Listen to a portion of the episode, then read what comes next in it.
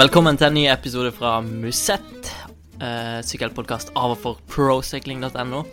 Paris-Roubais er like rundt hjørnet, og vi kjører en ny klassikerspesial direkte fra ja, Belgia, kanskje? Det er jo Belgia, Simon. Belgia. Ja, Simon er Nesler. kort, kort, kortrekk. Jeg Nydelig byen Kortrekk, helt på grensa. Så ja, jeg er Belgia. Og eh, Theis i, på sin sedvanlige plass i Oslo. På min Valley plass i det vakre Oslo. Ikke så langt til nærmeste brostein, faktisk, for jeg bor ikke så langt unna Karl Johan.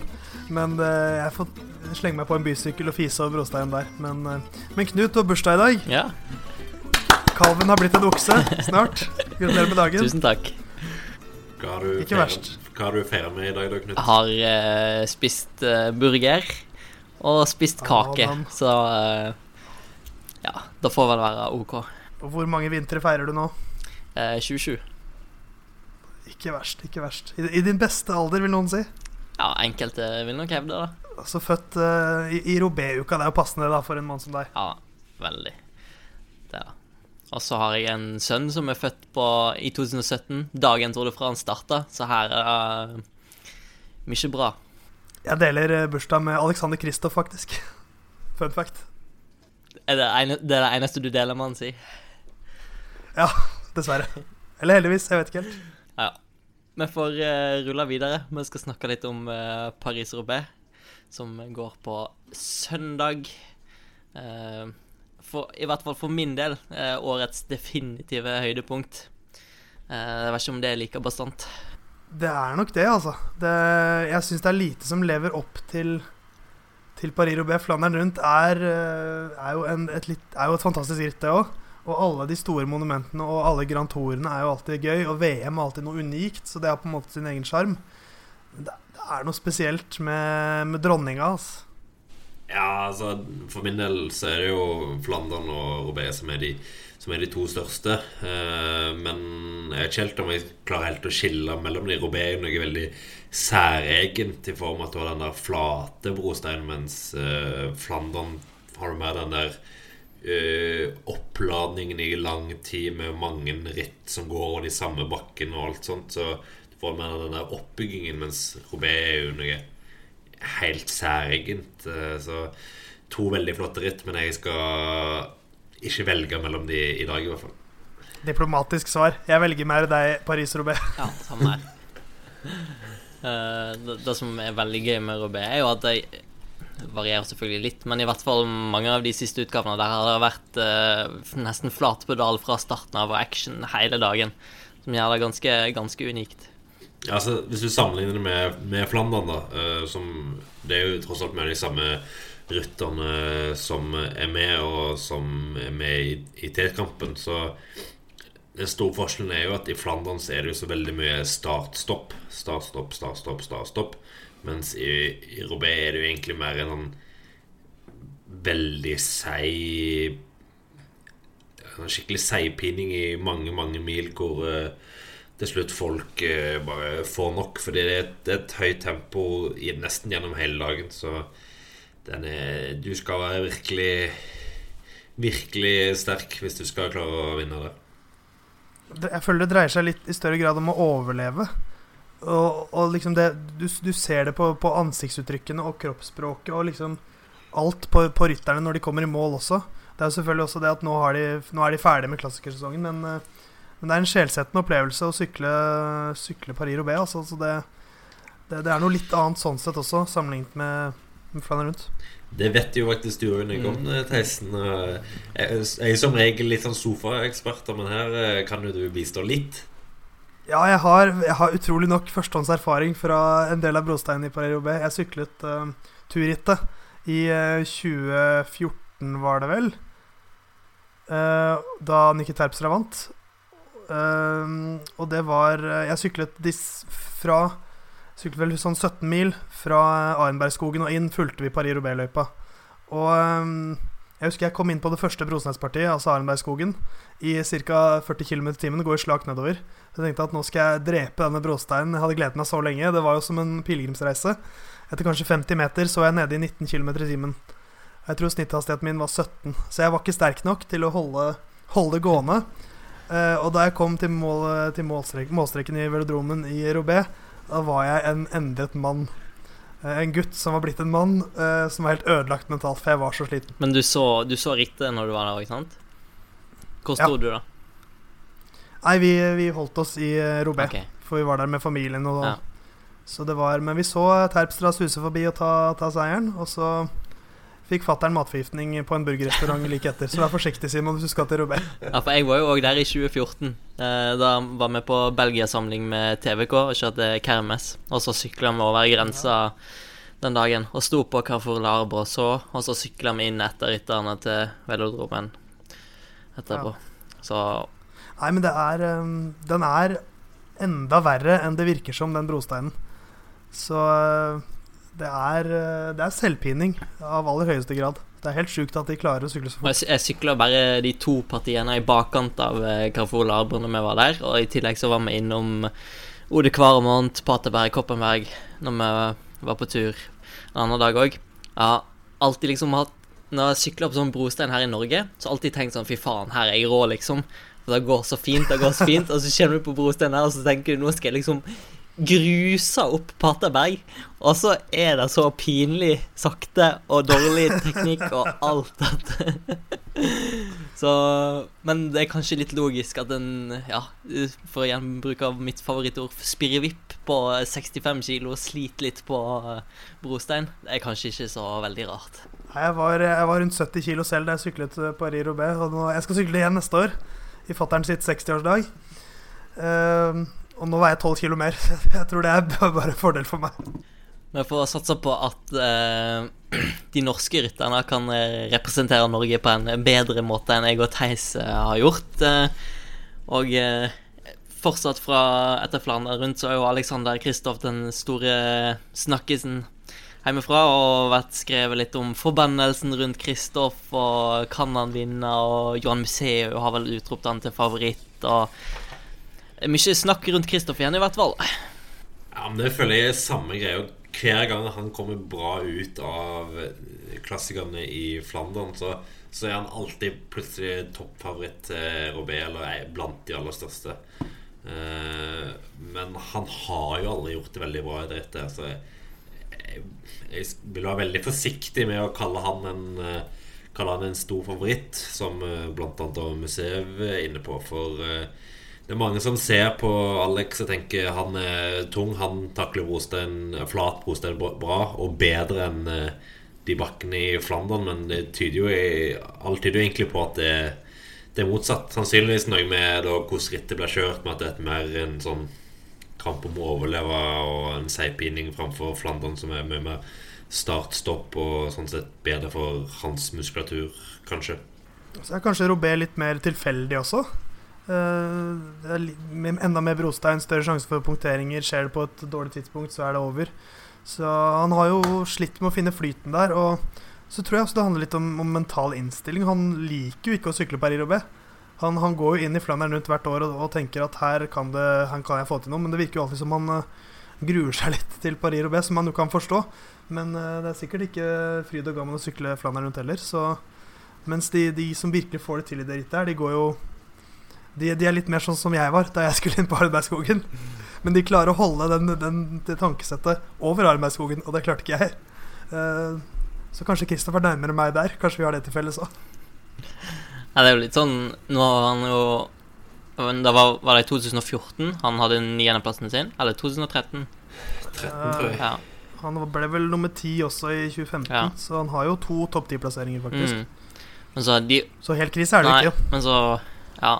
Ja, det er litt rart, det der. Men han har jo fått noen smeller i årene etter det, med litt velt og masse punktering og sånn, så Det er jo lett å gå inn i rittet med litt sånn ja, dårlig holdning, da, eller tanke om at her er det et eller annet som kommer til å skjære seg. Ja, for han, som du sier, han har opplevd eh, nok velt og punkteringer de siste årene til at han eh, nok begynner å bli litt lei av å, av å komme til, til Robé. Eh, men på en god dag så selvfølgelig han er i god form. Eh, det er ingen alt, alt tyder på at han er i veldig god form, så selvfølgelig kan han eh, gjøre det bra. Eh, hvis han bare er heldig og unngår velterpunkteringer. Som de to årene han har topp ti-plasseringer, så er det jo lite som skiller en niendeplass og en seier. Det er jo hvis det plutselig skulle samle seg litt bakover og bli en spurt fra en gruppe på, på en eh, ti mann, så han, kan han fort være der. Eh, Det er jo litt avhengig av vinden. Den har jo vært litt uh, fram og tilbake. Nå ser det ut som det er egentlig er meldt medvind på de tøffeste partiene. Så ja. Edvald de var ute og testa løypa i dag. Da var det motvind, og da sa han at eh, han syntes det var veldig, veldig tungt. Men hvis det plutselig er medvind over Carrefour og mange av de andre partiene, så kommer det til å bli kjørt rimelig hardt igjen. Så vinden har nok en del å si for hans sjanse. Kristoff, altså. Men jeg vil komme med en brannfakkel. Eh, hvis Kristoff skal vinne Paris-Roubais, så kan han ikke sitte og vente på spurten. For eh, jeg har utrolig nok gjort litt research. Eh, jeg har sett på Jeg har sett, gått 30 år tilbake i tid i Paris-Roubais. Fra 1989 til eh, 2018. Og sett hvor mange mann som sitter i vinnergruppa for hver utgave. Så innen fem sekunder fra førstemann, hvor mange sitter i den gruppa. Eh, det har aldri vært mer enn åtte stykker i vinnergruppa i Paris-Roubais. Det var i 1997. Um, og så har det vært ett år med seks, og etter det så er det alle på færre enn fem. Stort sett eh, har det blitt soloseire. Det er det aller vanligste.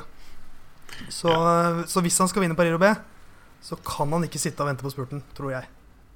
Jeg er helt enig med deg. eh, Og det er det som er, er vanskelig for en rytter som, eh, som Kristoff, når han vet at han har den gode spurten sin. Da er det veldig lett å lene seg veldig på den. Eh, Men det er jo, det den måten han får resultater på. Og det er, det er jo derfor han får mange gode resultater, selv om han kanskje bare er den 15-20. sterkeste i selve rittet. Men det er jo sånn å se på året John Degenkolb vant, så støter han jo sjøl og var offensiv fordi han eh, sikkert så at jeg kanskje sitter og venter på en spurt på tolv mann, for da kommer han til til å kjøre av, og vi klarer ikke å kontrollere det. Og det, det skjer jo ikke i Flandern. Der er det jo særs sjelden at det ender opp i ender opp i en eh, spurt eh, fra en så stor gruppe. Så har vi en eh, annen luring, Edvald Boasson Hagen, som ikke har vært eh, Han har ikke gløda form så langt, eh, men var litt frempå i Shelder Price. Eh, angrep 20 km før mål eh, og satte litt fyr på rittet der. Og som, som jeg sa i forrige podkast, Flandern kommer kanskje litt tidlig for Edvald. Men hva med Paris-Roubais? Kommer da kanskje litt for tidlig, eller? Ja, det er jo ikke så mye som kommer seinere, da. så Nei, nei, men eh, Nei, eh, men eh, ja, han ser mye bedre ut nå enn han gjorde i hvert fall for to uker siden. Eh, og jeg synes han så ganske grei ut i Flandern, tross alt et ritt han aldri har gjort det helt topp i. Så han satt jo med fram til Fram til Hotond, så med litt under tre million, så helt, helt eh, fint, det. Og som sagt, bra i Kjeldepreis, så han er definitivt på vei opp. Eh, om han er i toppform på søndag, det tror jeg ikke. Men han er nok i god nok form til å få et re godt resultat på en god dag. Det ble jo 32.-plass i Flandern, og det er sånn Det er litt under det han har pleid å være i Flandern rundt. Så da, og han har jo Selv i året der han ble nummer, eh, nummer fem i Paris-Roubais, så var han ikke så veldig mye bedre enn det i Flandern. Så det har mye mer vært Edvald sitt ritt. Paris-Roubais eh, finner mer flyten der, så litt motsatt av Kristoff. Så mm, han er nok ikke noen stor favoritt, for det har han ingen grunn til å være med de resultatene han har i, i vår. Men uh, at han kan uh, være med litt lenger der enn i Flandern, det tror jeg på. Ja, jeg tror jo at Hvis han skal få et eh, bra resultat, så må han uh, gjøre noe i en sånn mellomfase i rittet. Eh, sånn som sånn som han gjorde når han var oppe i toppen det året han ble nummer fem. Det var vel hva ble det, 2016. Eh, så det er nok viktig for han å komme seg i forkant, i hvert fall før Carrefour Delarm. Eh, hvis han sitter med felt inn der, så tror jeg fort det kan bli vanskelig. Men eh, hvis han klarer å komme seg litt i forkant, så, så, så har han jo rutinen fra det rittet her og vet, vet, vet hva han skal gjøre og er god på brostein. Så da kan han eh, få et par resultat.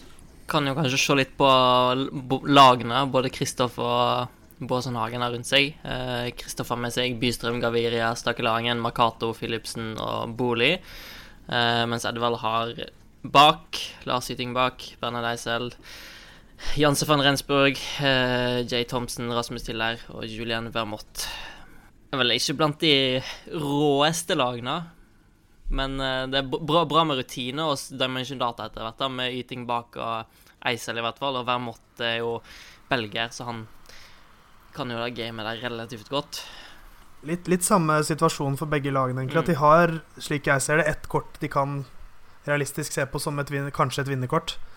Uh, så har de selvfølgelig noen jokere her og der, men ingen som jeg tror kan, kan vinne det, bortsett fra Kristoffer Boasson Hagen. Så vi har i hvert fall to kapteiner som er norske.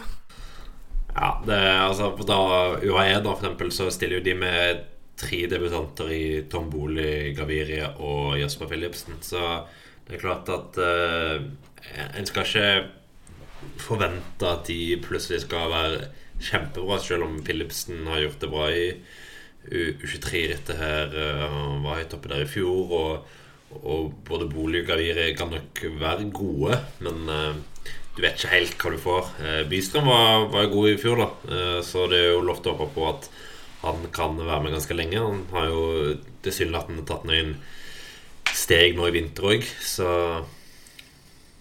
det, det, er jo ikke lag som kommer til å dominere Norge. Eh, men eh, hvis de klarer å få med seg en eh, rutter i et brudd som kan sitte lenge, sånn som Bystrøm gjorde i fjor, så, så kan de jo plutselig i hvert fall ha en mann for Alex Edvald på slutten de siste fire-fem milene. Det skjer jo nesten hvert år, føler jeg, at de rytterne som går av gårde i et sånt Kanskje ikke veldig merittert brudd som går litt mot slutten, uh, de sitter plutselig igjen i, i, finalen. Sånn var det jo med Dilier i fjor, som endte opp i en mann-mot-mann-duell mot Petter Sagan i Robé, som jeg ikke tror han hadde regnet med. Det var jo det bruddet som Bystrøm, Bystrøm satt i. Så ikke umulig at både Dimension Data og UAE har ryttere som kan ende opp i en sånn, i en sånn type situasjon, hvor de sitter i et brudd som blir kjørt inn mot, mot slutten. Ja, vil, jeg vil påstå de begge to er litt avhengige av laget, egentlig. Å få sendt ut noen. Uh, for hvis ikke så blir det vanskelig å få noen med veldig langt ut i rittet, tror jeg. Ja, det er viktig å gjøre det bare for det å For det kommer til å være uh, noen som forsvinner ut med punktering, noen som forsvinner ut med velt, og da er det viktig at du bare vet at det er én mann foran deg, i hvert fall om, om det plutselig trengs. For det det, det som er tilfeldigheter som kommer inn her i spillet, at du kanskje bare tenker at alle sitter i et felt og passer på Alex eller Edvald hele dagen, og så går det så det går. Altså, Paris-Roubaix er jo et ritt der det kan skje veldig store utskillelser allerede med 100 km til mål, altså Arenbergskogen. Så jeg, tror det er et ritt der det er veldig viktig å ha et slags delmål. da. Så Hvis du har en i brudd, så du vet du kommer opp til etter Mons MPVL, f.eks., så er en sånn veldig stor motivasjonsboost å vite at du kan ha en mann med deg derfra, og i hvert fall inn mot eh, partiene før Carrefour Arb Ja, det er et godt poeng, det. Så jeg regner egentlig med at det er noe begge lagene har som taktikk, å få noen med i, i det tidlige bruddet som går. Når vi først er inne på det, så kan vi jo se litt på årets løype. da. Eh, rittet i år er 257 km langt. Det er 29 brosteinspartier. Det var 27 i fjor, hvis jeg ikke tar helt feil. Og så er det 54,5 km med brostein. ja, det er en klassisk utgave. Ja, det er nok, eh, nok brostein å ta av, så det skal jo bli tøft nok for rytterne. Eh, det er jo da første ti milene er jo asfalt, da. Eh, mer eller mindre. Eh, så der kommer det jo sannsynligvis til å ja, ta litt tid før du får et brudd, og så kommer det til å gå ganske raskt inn mot Arenberg. Egentlig er det der det virkelig starter, og så, og så kommer det egentlig klakk, klakk, klakk innover. Så da er det bare det å finne fram eh, kuleramma og telle nedover. Ja, et av årets høydepunkter, den, eh, den kameravinkelen eh, inn på eh, Arenbergskogen. Hvor de først filmer sektor 20, tror jeg det er Arenberg. Så snur de kamera nede, helt nede langs brosteinen. Mm. Eh, og så ser du bare fronten av feltet dundre over. Det, det er et av mine høydepunkter i, eh, i løpet av sykkelåret. Altså. Eller om det er sektor 19 det kanskje er. Men uansett, det er et rått, rått bilde, det, altså. Arenberg er jo første kritiske punktet i rittet. da. Eh, med 94,5 km til mål. Eh, det første femstjernerspartiet. Et av tre femstjernersparti. Andre er Mont Saint-Pével, som kommer 48 km til mål. Og Carrefour Larbe, som er 16,5 km før mål. Og så har vi òg sju firestjernerspartier, da. Ja, jeg snakket med Rasmus Tilland tidligere i, i, dag. Eh, og han, eh, han har sykla juniorutgaven her eh, i 2014. Og så sykla de eh, Recon nå i dag, torsdag. og jeg spurte han om Carrefour, for det var, det var det partiet han syntes var verst, for å si det med fine ord. og han sa jo at ja det var ikke gode minner egentlig å komme tilbake der. For han, han huska det som forferdelig, og det var forferdelig. han er ikke den første nordmannen som har det tungt der. Det er jo der den uh, kjente Hushovdsvingen fra 2009, var det vel, hvor Hushovd uh, veltet fra uh, det som kanskje var en nordmanns beste sjanse for å vinne Paris-Roubais, på Carrefour de Larbre, i brudd med Tom Bonnen. Så ble han vel nummer tre bak på Sato til slutt. Og Rasmus ble vel kjørt av på første Brosteinspartiet i den juniorutgaven han sykla òg. Første gangen han sykla. Hvis jeg ikke husker helt feil. Det, det snakket jeg ikke med han om i farten, men ja. uh, han uh... Jeg mener å huske. Bedre rusta nå, får vi satse på. Han har jo uh, Selv om vi ikke har sett han i, i Paris Roubais før, så er jo lovende, lovende takter han viste i Trobro Leon i fjor. Som ikke er Som er jo ikke Hva skal man si Det er jo et solid klassikeritt, det òg. Ja, han har jo han har litt fysikken til å passe godt i et ritt som uh, Robé, så han gleder seg veldig, og han er jo klar på at det er jo altså, et ritt som Robé han har som et av sine Kall det største mål i karrieren, da gjør det bra i. Så, og som han tror han kan gjøre det bra i. For uh, ja, uh, god motor og en fysikk som passer veldig fint til rittet. Så det gjelder bare å få med noen år med erfaring, så kan vi se om han kan kjempe i toppen. Det uh, blir altså fem uh, nordmenn til start. Uh, skulle vært seks, men Amund Grøndal Jansen blir ikke å stille. Jeg sleit jo med en sår hals i Flandern rundt allerede, og det utviklet seg som det ofte gjør, til en forkjølelse, vel. Muligens noe virus det var snakk om. Ja, han stiller fall ikke til start. Eh, og det er jo selvfølgelig sunt for Amund. Eh, det er et ritt han eh, hadde ambisjoner i og skjøtte bra her i fjor. Da ble han vel nummer 16 og beste nordmann. Så han hadde nok et håp om å kanskje forbedre det i år, og egentlig berettiget han han hadde kjørt før Flandern, før han ble sjuk. Så synd for han, men han kommer nok sterkere tilbake. Eh, Simon gjorde jo et lite intervju som dere har fått hørt deler av eh, tidligere. Um, I podkast for et par uker siden, vel. Uh, men Simon snakka òg litt han om Paris-Roubais. Selv om Amund ikke stiller, så kan vi jo spille det av for det. Skiller uh, kjøringen i Roubaix i Norge fra, fra det du har i Flandern? Det er jo en litt annen type bostein og ingen bakke og sånn sett. Ja, det er ganske det er annen dynamikk. Jeg syns Rubi er egentlig det er et helt annet løp. En helt annen måte å kjøre løp på. Eh, det som er likt, er at man må sitte foran. Det er, altså det er viktig å sitte godt posisjonert. Men i Robé man litt Man kan komme litt gunstigere unna. Altså Sånn som i, i, Flandern, hvor du da noen ganger må sitte liksom blant de ti beste for å virkelig være i løpet. Det er ikke så ofte man har den posisjonen. Altså, det skjer oftere i Flandern enn det skjer i, i Roubaix. Og så er Roubaix litt mindre Det er jo ikke noen bakker, da, så det er jo for så vidt også gunstig for meg. Samtidig så har man alltid fart, man har alltid litt moment. Det er liksom ikke så mye akselerasjoner. Og, og den, det man har i Flandern, at du kommer inn i en bakke etter en sving, og så må du dra i gang fra veldig lav hastighet. Og veldig mye spurter, veldig mye bremsing. Og, mens Roubaix er litt mer sånn flytløp, som egentlig da passer meg bedre. At man kan liksom bare gi gass. da At man har lange perioder, fire-fem minutter per parti med brostein, hvor du kan bare kjøre på. Og så litt mer jevn gamping da enn det du har i, i Flandern, hvor det er veldig sånn eksplosiv spurt ut av en sving, og så ett minutt opp en bakke, og så bremse, og så ny sving, og så ny bakke. Så, ja. Det blir litt mindre eksplosivt. Mm. Hva er det som er vårens høydepunkt eh, for din del? komme hjem da mandagen etter Robé, Roubaix, så har eh, har en liten uke fri, og så kan ligge på terrassen og slappe av. Nei da. Det er ikke Høydepunktet er jo Det er Robé for min del. Det er det løpet jeg trives best i.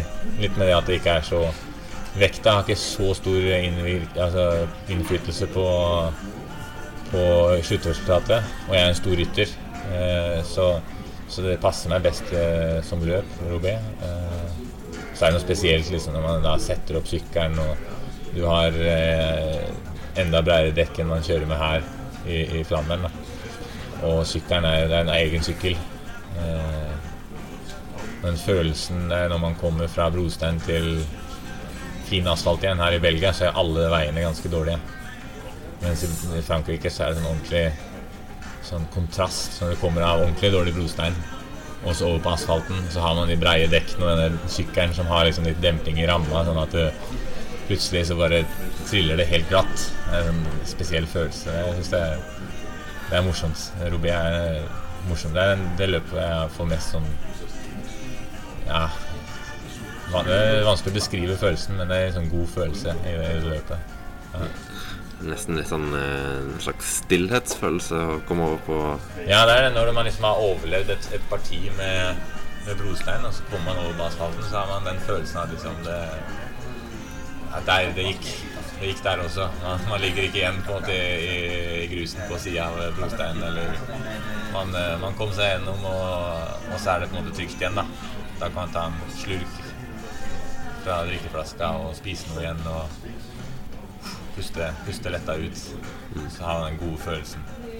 Ja, det er noe spesielt der. Altså, alle sykler også med, det, med spesielt utstyr, så, så rullemotstanden har, spiller mye mer eh, mye større rolle i Robé. Og rullemotstanden er forholdsvis lik fra rytter til rytter, uavhengig av vekt.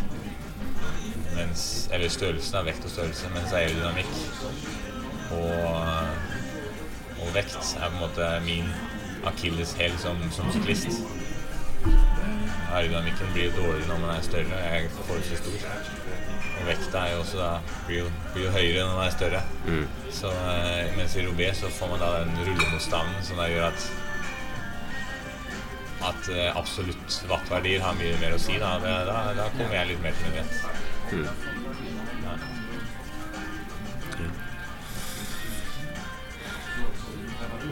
Tror du at du kan bli den første eh, nordmannen som vinner Robé?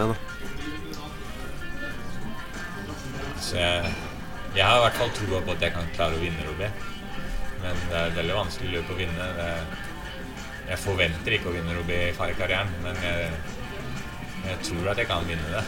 Men det er klart, upstairs må, klaffe mye for at, for at det skal skje, i hvert fall i, hvert fall i år. Ja. Så, eh, så skal mye klaffe for at, jeg, for at jeg skal stå igjen som, som vinner. Det, det er klart, men man vet, jo aldri. Hvis du ser hvordan Kristoff utvikla seg fra han var 25 år til han ble 30, så, så hadde han også noen ordentlige sånne kvantesprang eh, på veien. Så det er vanskelig å si hvordan karrieren utvikler seg. Når jeg er 30, så ja, kanskje jeg vunnet Robé, Kanskje, kanskje jeg da eh, kun spurtopptrekker for Dylan. Eh, Eller for en annen spurter. At jeg ikke har noen ambisjoner lenger på egen hånd. Men, men enn så lenge så jobber jeg jo for, å, for at det siste ikke skal bli tilfellet. Ja. Altså, er det noe du Er det et sånn worst case scenario-type ting for deg, eller er det en, en hverdag du òg hadde levd fint med? Nei, altså worst case scenario er jo at man uh, At man uh, Ja, hva skal man si? Altså Så lenge jeg syns det er gøy å sykle, så trives jeg med Så lenge jeg syns det er gøy, så trives jeg med alle arbeidsoppgavene jeg har. Og det er ikke et verst yrke å ha som sånn, ja, å være syklist. Så ja, hvis, hvis, hvis det viser seg at jeg ikke hadde mer potensial enn en til å bli en, eh, en, eh, en spurtopptrekker, så, så er det det som så er det jeg hadde å jobbe med. Ja. Og da syns jeg også det er, det er gøy å kjøre Det er gøy å kjøre Toren og være spurtutrekker selv om man ikke er den beste rytteren. Så eh, jeg har vel på en måte innsett at jeg kommer ikke til å bli noen Peter Sagan. Eh, Så ja. Jeg har ikke det største talentet i feltet, men, men eh, jeg trives jo med det jeg gjør. Så det er ikke noe worst case scenario på en måte å, å, å trives med jobben sin. Det så mye som er verre enn det. Så worst case scenario er hvis jeg blir plutselig bare slutter utvikler meg motsatt vei, og så må jeg begynne å jobbe på kassa i Jugo i Nederland eller noe sånt. Da.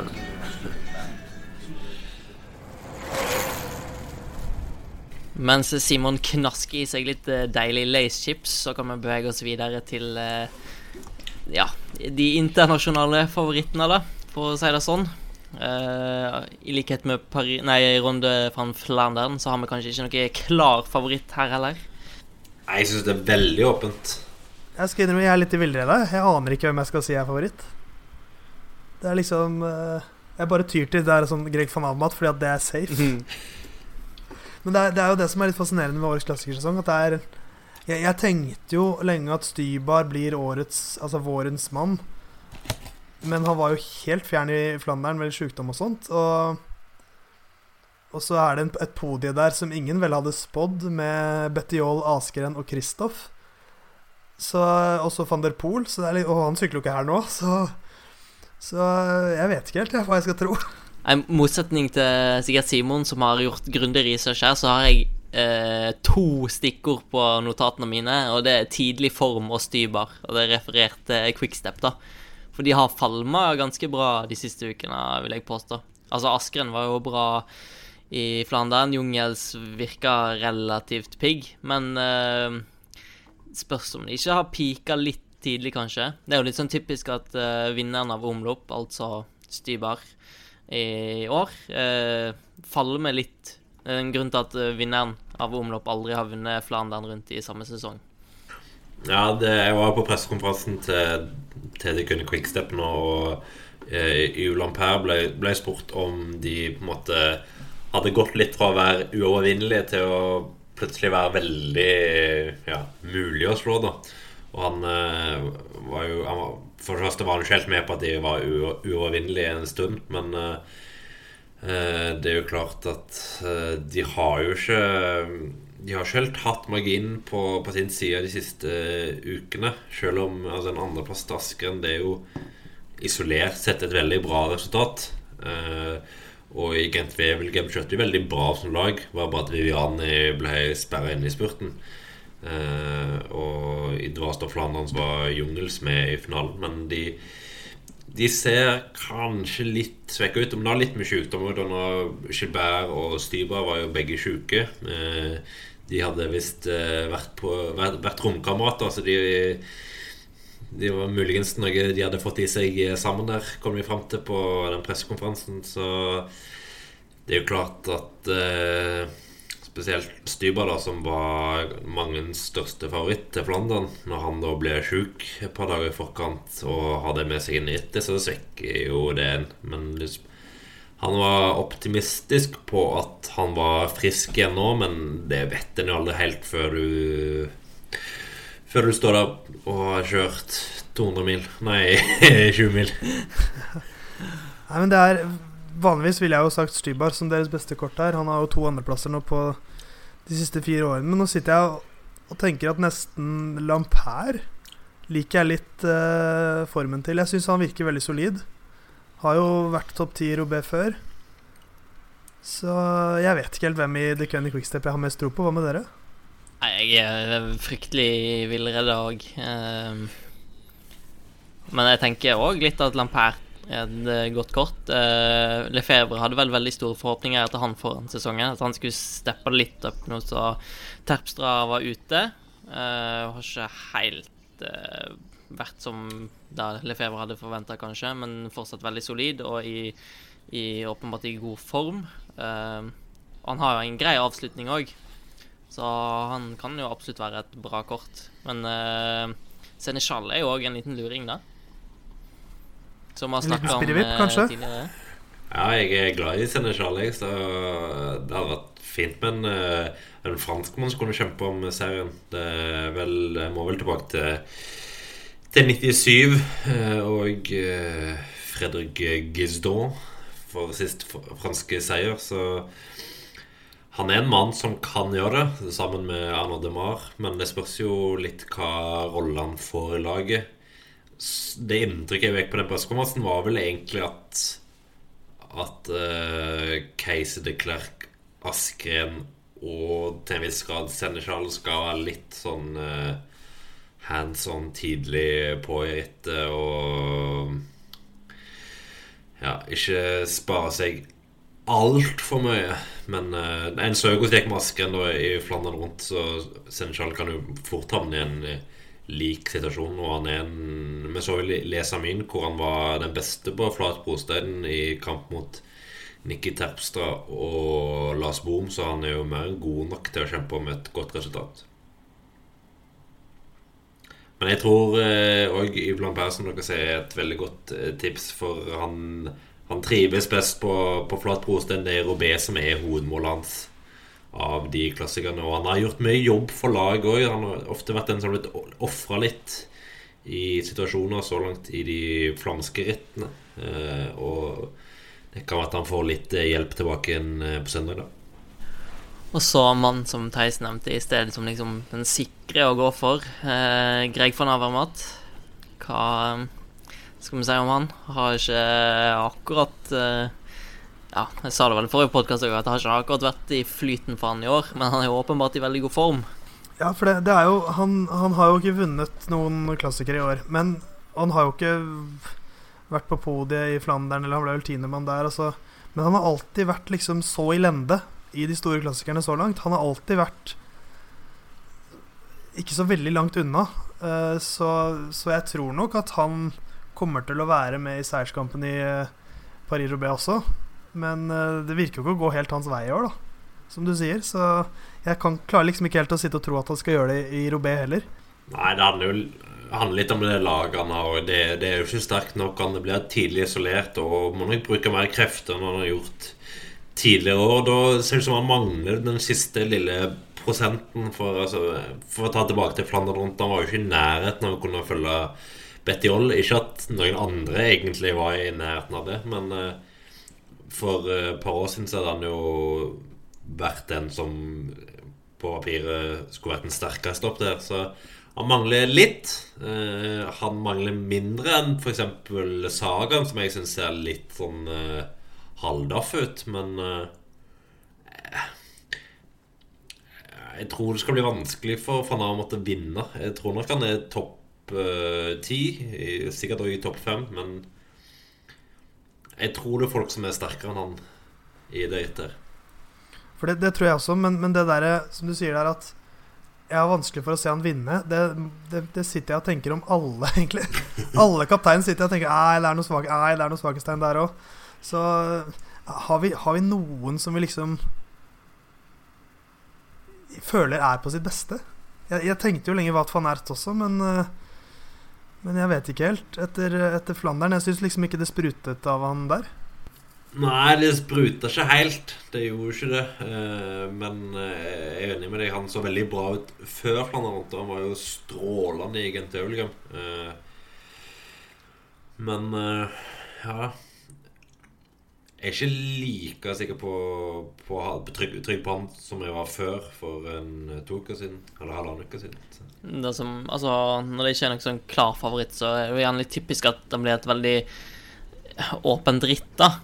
Uh, jeg syns det lukter litt sånn outsider-seier her, kanskje. Type uh, Langevel, Pollitt uh, eller Simon sin favoritt, van Barle. Ja, det er tre veldig fine ryttere, det. Og tre ryttere som er gode på komme seg litt i forkant. Og som har mye tempostyrke òg, alle, alle, de tre. Så de er noen klassisk veldig fine ryttere som kan ligge og vake vake litt foran favorittene og så i hvert fall sitte med i en gruppe som kommer inn til mål. Og da har jo Pollitt i hvert fall en god spurt i en gruppe. Så jeg tror alle de tre fort kan gjøre det veldig bra. Ingen av de er jo, ingen av de er jo typiske vinnere, som vi er litt inne på. Det, det, men det, det, er sånn som Theis sier, det, det, er ingen som på en måte kommer inn og tenker det her eh, Det her kommer jeg til å vinne. For eh, det er spørsmålstegn på nesten alle. Er, jeg, tror, jeg, tror, jeg, tror, veldig på det dere sier nå. At det er, liksom, det er så mye usikkerhet blant favorittene. Det er ingen som har 100% tro på at de er den sterkeste, eller at, at jeg kan vinne dette. Det er alltid Og da blir det sånn at man sitter og ser på de andre. Og at man fort kan få et lignende scenario som i Flandern, hvor en av de som er i veldig god form, men som ikke er fryktet, På samme måte som, en, eh, som van Avemat eller Sagan eh, eller Stybar. At en sånn rytter lurer seg av gårde. Og at man får en sånn eh, Johan van Sommeren-scenario igjen, hvor en som egentlig ble sendt i forkant for å være en hjelper, plutselig går inn og vinner. Det, det er nesten det jeg ser på som det mest realistiske scenarioet. Og det er litt merkelig. For det er jo en overraskelsesseier, på en måte. Nå er jeg oppe utkastet til Pro Cycling sin favorittvurdering her, da. Hvis du, altså, Sagaen eh, Sjukdom foran Treno. Åpenbart ikke vært eh, helt i slag. Stybar sjuk i Flandern. Eh, usikker. Van Mat eh, har ikke levert resultater. Usikker. Nasen sjuk i forkant av Flandern. Usikker. Eh, selv om han var greit med der. Van Ert var ikke veldig overbevisende i Flandern. Eh, og ja, nedover der er det jo liksom litt mer de outsiderne. Men den som liksom har fått best ut av forutsetningene sine, og kanskje har mest selvtillit, er jo egentlig Alexander Kristoff. Jeg skulle til å si det. Jeg tenkte på det da du begynte å snakke nå, at det er jo én mann som har levert i Som virkelig hvor alt har gått bra, som jeg, som jeg føler kan være kjempefornøyd med sesongen sin, så er det jo Alexander Kristoff. Men, men han har jo en, en, eh, en trøblete historie med Paris-Roubais, så det er kanskje det som gjør at, at, eh, at man ikke tenker på han som en stor favoritt. Men så skal vi ikke glemme at han har to topp ti-plasseringer. Mm. Og som Simon vel sa litt tidligere, at da, da er du Da har du levert et godt Paris-Roubais. Da har du potensial i det rittet her. Og når han viser så god form som han gjør, så, så, kan jeg, så, så skjønner jeg nesten plutselig hva Johan Museum snakker om når han sier at uh, Alex er blant favorittene. Og så er han jo en djevelsk god sykkelrytter. Det er et veldig godt utgangspunkt, da. Det er ofte lurt å ha med seg. Det var det jeg glemte da jeg skulle sykle Arenbergskogen. Å være en god syklist. Nei, Sitter vi nå og sier at Alex er favoritt, eller? Hva er det, det vi lander på? Si- altså- Simon, du må få oss ned på jorda nå. Få oss ned på jorda. Nei, altså Problemet til Kristoff er først og fremst at det finnes ganske mye En del sterkere kollektiv. Eh, Sky for eksempel kommer med van Baal, Standard Row, eh, Moscone litt sånn shaky for men eh, ja, relativt bra lag. EF kommer med lange felt. Eh, van Mark er på stigende form etter, etter velten i E3. Eh, og Finni pleier å være bra i i eh, Robé. Eh, Trekk kommer med Degenkolb, som nok har Robé som sitt hovedmål av klassikerne i år. Og Stoiven, som er på oppadgående, og Mats Pedersen og Toynes. Eh, mye relativt bra. Og Quickstep har jo The Gunny Quickstep er alltid et bra lag, selv om de òg har litt sånn sykdom.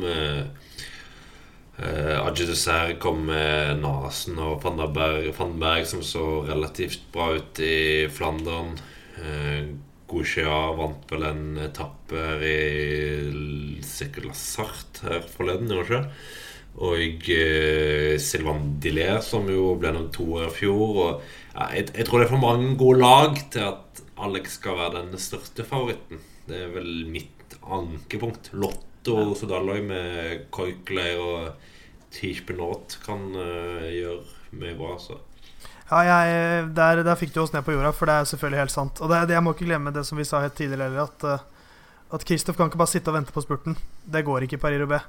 Selv om det er motvind, så kommer det ikke til å gå. Da, da, det, da blir det en eller annen som stikker av gårde, og så stopper det opp, og så blir det som i Flandern. Så, så jeg tror sjansen hans må være at for, Han er åpenbart i veldig god form. Sjansen hans må være at han, han går inn med en litt mer offensiv innstilling, og at han kan sykle litt som han gjorde i Gent Wevelgem da. Komme seg i forkant. Det er blitt en slags meme i denne podkasten, for jeg har snakket veldig mye om det. Men det er veldig viktig i klassikerne. Hvis du ikke er en av de aller, aller beste, så må du være i forkant. Så øh, det får være sjansen til Kristoff. Gå litt mer offensivt til verks. Ja, Gjør som Degenkolb. han, Altså, han Ja, det kan jo si at det kan slå begge veier, med at han har hatt en god, god sesong så langt da, at han kan bli litt metta. Men han må jo ha bra selvtillit, i hvert fall, og det må jo være positivt. Og ha hatt litt sånn offensive tilnærminger. Eh, og som jeg snakker om, du må investere krefter her. Eh, så ja. Det er jo ikke noe press på, på Kristoffer sånn, da. Eh, han har jo allerede en veldig god klassikersesong. Han var fornøyd da han kom eh, Altså Han var kjempefornøyd om han vant et av diettene de rittene i Flandern. Og var kjempefornøyd om han var på pallen i Flandern. Og han var fornøyd hvis han var på pallen i et av andre, rittene, altså Bevelgem eller Haraldbekk eller det Da står Flandern og ender opp med seier i Wevelgem og pallplass i Flandern. Så er han jo kjempefornøyd ganger to. Så han har jo levert en klassikersesong som er, som er veldig god allerede. Så han kommer inn, har null press, og da det bør jo gjøre at han kan ha en litt offensiv holdning til rittet. Og han eh, var, var jo i Prøvde seg jo i forkant i Gent Wevelgem og var jo òg eh, snuste på et par brudd i i Flandern rundt. Så jeg tror innstillingen er der for å kjøre offensivt. Så nå er det ikke mye press. Da er det bare til å slippe seg løs. Og det er litt sånn Jeg kjenner det er litt irriterende at han ikke har Altså, han har jo vært to ganger topp ti, da, som sagt, men at han ikke har lykkes helt. For det er jo liksom sånn ritt som er veldig for han, da. Sånn sliteritt. Mann som eh, lider seg gjennom åtte timer i regnen på vestlandskysten. Det skal jo være et ritt som passer han bra. Sol! Nei, det må du gi deg her. Tasta oversikt, slapp av litt nå. Nei, men det, jeg, jeg er helt enig. Altså, det Han må, han må høre på På Matthew Heyman. Mannen som vant dette rittet, var det på 15. eller 16. forsøk. Uh, I 2016, da Edvald Baasen Hagen også kjempet om seieren, det er noe av det feteste jeg har sett som sykkelfan, er den, det rittet der. Uh, hans motto i Paris-Roubais var alltid 'just keep riding'. Året etter så fikk man et veldig godt eksempel på det. Like før Arnbergskogen så veltet jo Kristoff. Eller han sperret av en velt. Men det var også Greg van Amat. Kristoff uh, kom seg aldri opp igjen. Van Amat vant. Uh, fordi han fortsatte å kjøre. Uh, så, så, det handler om mental innstilling også i dette rittet her. alle har et eller annet uhell, et eller annet, et annet brosteinsparti hvor det ikke går helt som planlagt. Men da må man ikke gå i kjelleren. Fortsett å kjøre så er det utrolig hvor man kan få til. Og Apropos det klippet. Folk må bare gå og lade opp til Paris-Roubais med det klippet. Uh, Mitchelton Scott delte det på sin Facebook i dag, så jeg så det. Uh, jeg ble fuktig i øynene, liksom. Det er så sjukt vakkert øyeblikk. Så uh, ja. Den må, må folk bare se. Backstage pass. Nei, skal vi runde av med et uh, tips i denne, uh, dette rittet som vi har konkludert med at det er vanskelig å spå? ja. Oh. Er det noen som melder seg som frivillig til å gå først? Eller skal jeg uh, dundre til? Jeg er Dundre det, veldig blå. Jeg er blå, hvit og rød og sier Alexander Kristoff. oh. Nei, jeg Kom igjen, da. Uh, Kom igjen, da. Endelig altså, en norsk seier. Ok, okay greit. Alex, skal, du klarer det. Litt her. Uh, nå lanserte jo uh, Theis at uh, Sepp van Marke aldri kommer til å vinne en stor klassiker i forrige podkast. Da. kontrer jeg med at han uh, vinner årets utgave av Paris-Roubais. Jeg hadde elsket det. Nesten like høyt som om Kristoff vant. Så det er med deg, Simon? Mann i det fornuftige til slutt.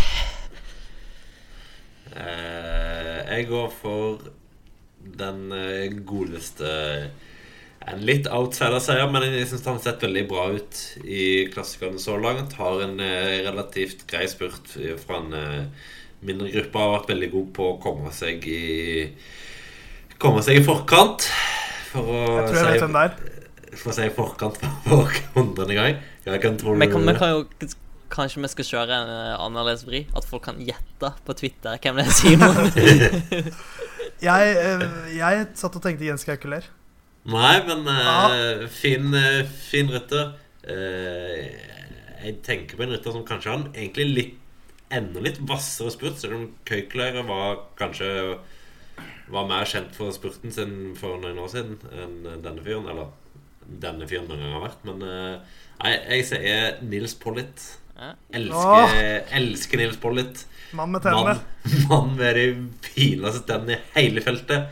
Uh, og han uh, passer veldig fint for Paris-Roubais. Jeg var topp ti her i fjor og har sett veldig bra ut så langt uh, denne sesongen, så jeg har veldig god tro på at han kan kjempe helt i toppen. Altså, og en ny gjennombruddsseier à la Betty Oll eh, forrige uke. Den mannen her er altså 1,92 høy. Eh, sikkert litt over 80 kilo. Og den femteplassen i Flandern står det ganske stor respekt av. Altså. Han er ikke en typisk sånn uh, eksplosiv bakkerytter. Og så apropos de tenna. Det var et annet ritt jeg så tidligere i år. Uh, tidligere i år. det er mulig det er litt med kontrasten på, på bildene og sånt i gjøre. Altså, de tenna De ly... Altså, det var gløda opp hele skjermen. Alt annet rundt var grått og mørkt, og det regna veldig, men tenna bare gløda. Nei, men det, det er en eh, nydelig nydelig rytter. Så jeg, jeg, synes, jeg tror dette er kanskje min favoritt uh, vi har hatt noen gang. Kristoff, uh, van Marke og Nils Pollitt. Det er helt strålende. Alle de tre, så er jeg kjempefornøyd. Bare så det jeg sa, Pollitt var uh, den siste av de som uh, hadde kontakt Ja. med, med gruppeperioden hadde over toppen av Paterberg. Så eh, han, han er klart best på flat brostein, så nå får han virkelig dunka flat brostein. Så da har jeg tro på at han kan være bra med. Jeg kan se det for meg. Han passer den derre sånn outsider i god form-beskrivelsen perfekt. Sånn rytter når det er samla etter Carrefour de Larbe, så bare går han. Eh, Så er det ingen som går på han fordi det er Nils Pollitt. Og så vinner han. Det er så typisk. Nå, nå er Nei, det er nydelig han tips. med uh, skjena litt mot Alex mange ganger her. Men jeg, tenkte, jeg har tenkt litt på det bare at det er jækla synd at uh, Pollitt og Alex ikke sykler sammen uh, fortsatt. Ja, Pollitt eh, var jo en strålende hjelper for eh, Alex. Han eh, spesielt, Jeg husker spesielt et ritt eh, i London. Det var vel litt eh, etter Tour de France, det er i 20, Ja. 2017, hvor han mer eller mindre på egen hånd holdt et eh, veldig sterkt brudd med bl.a.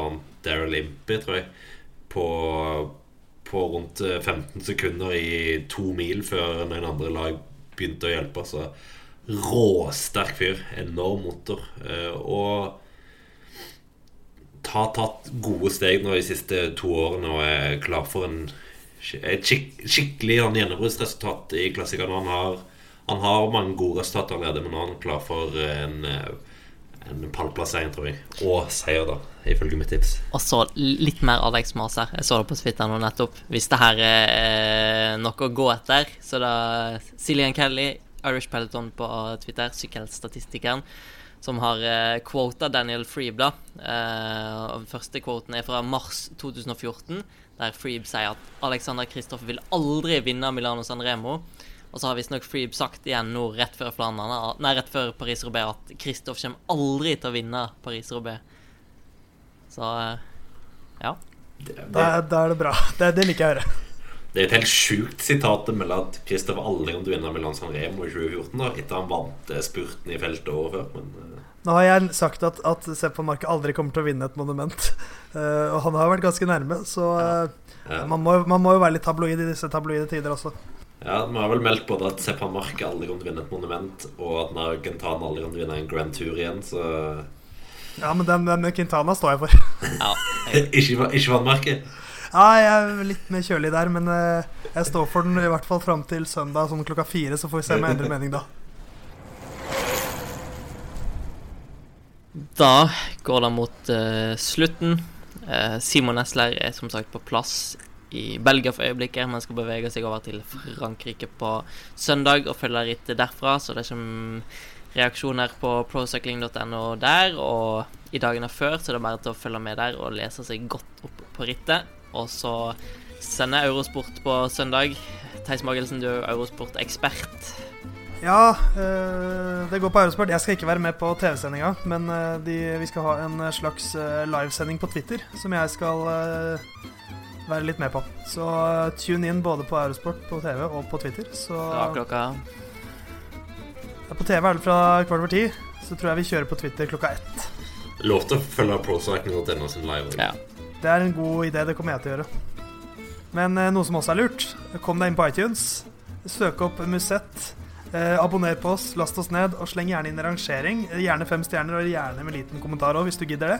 Så eh, for å oppsummere, eh, last ned, abonner og ranger. Og kos dere med Paris-OB. Så snakkes vi igjen på andre sida av helga. Det rittet er umulig å kose seg med når man sykler, Knut.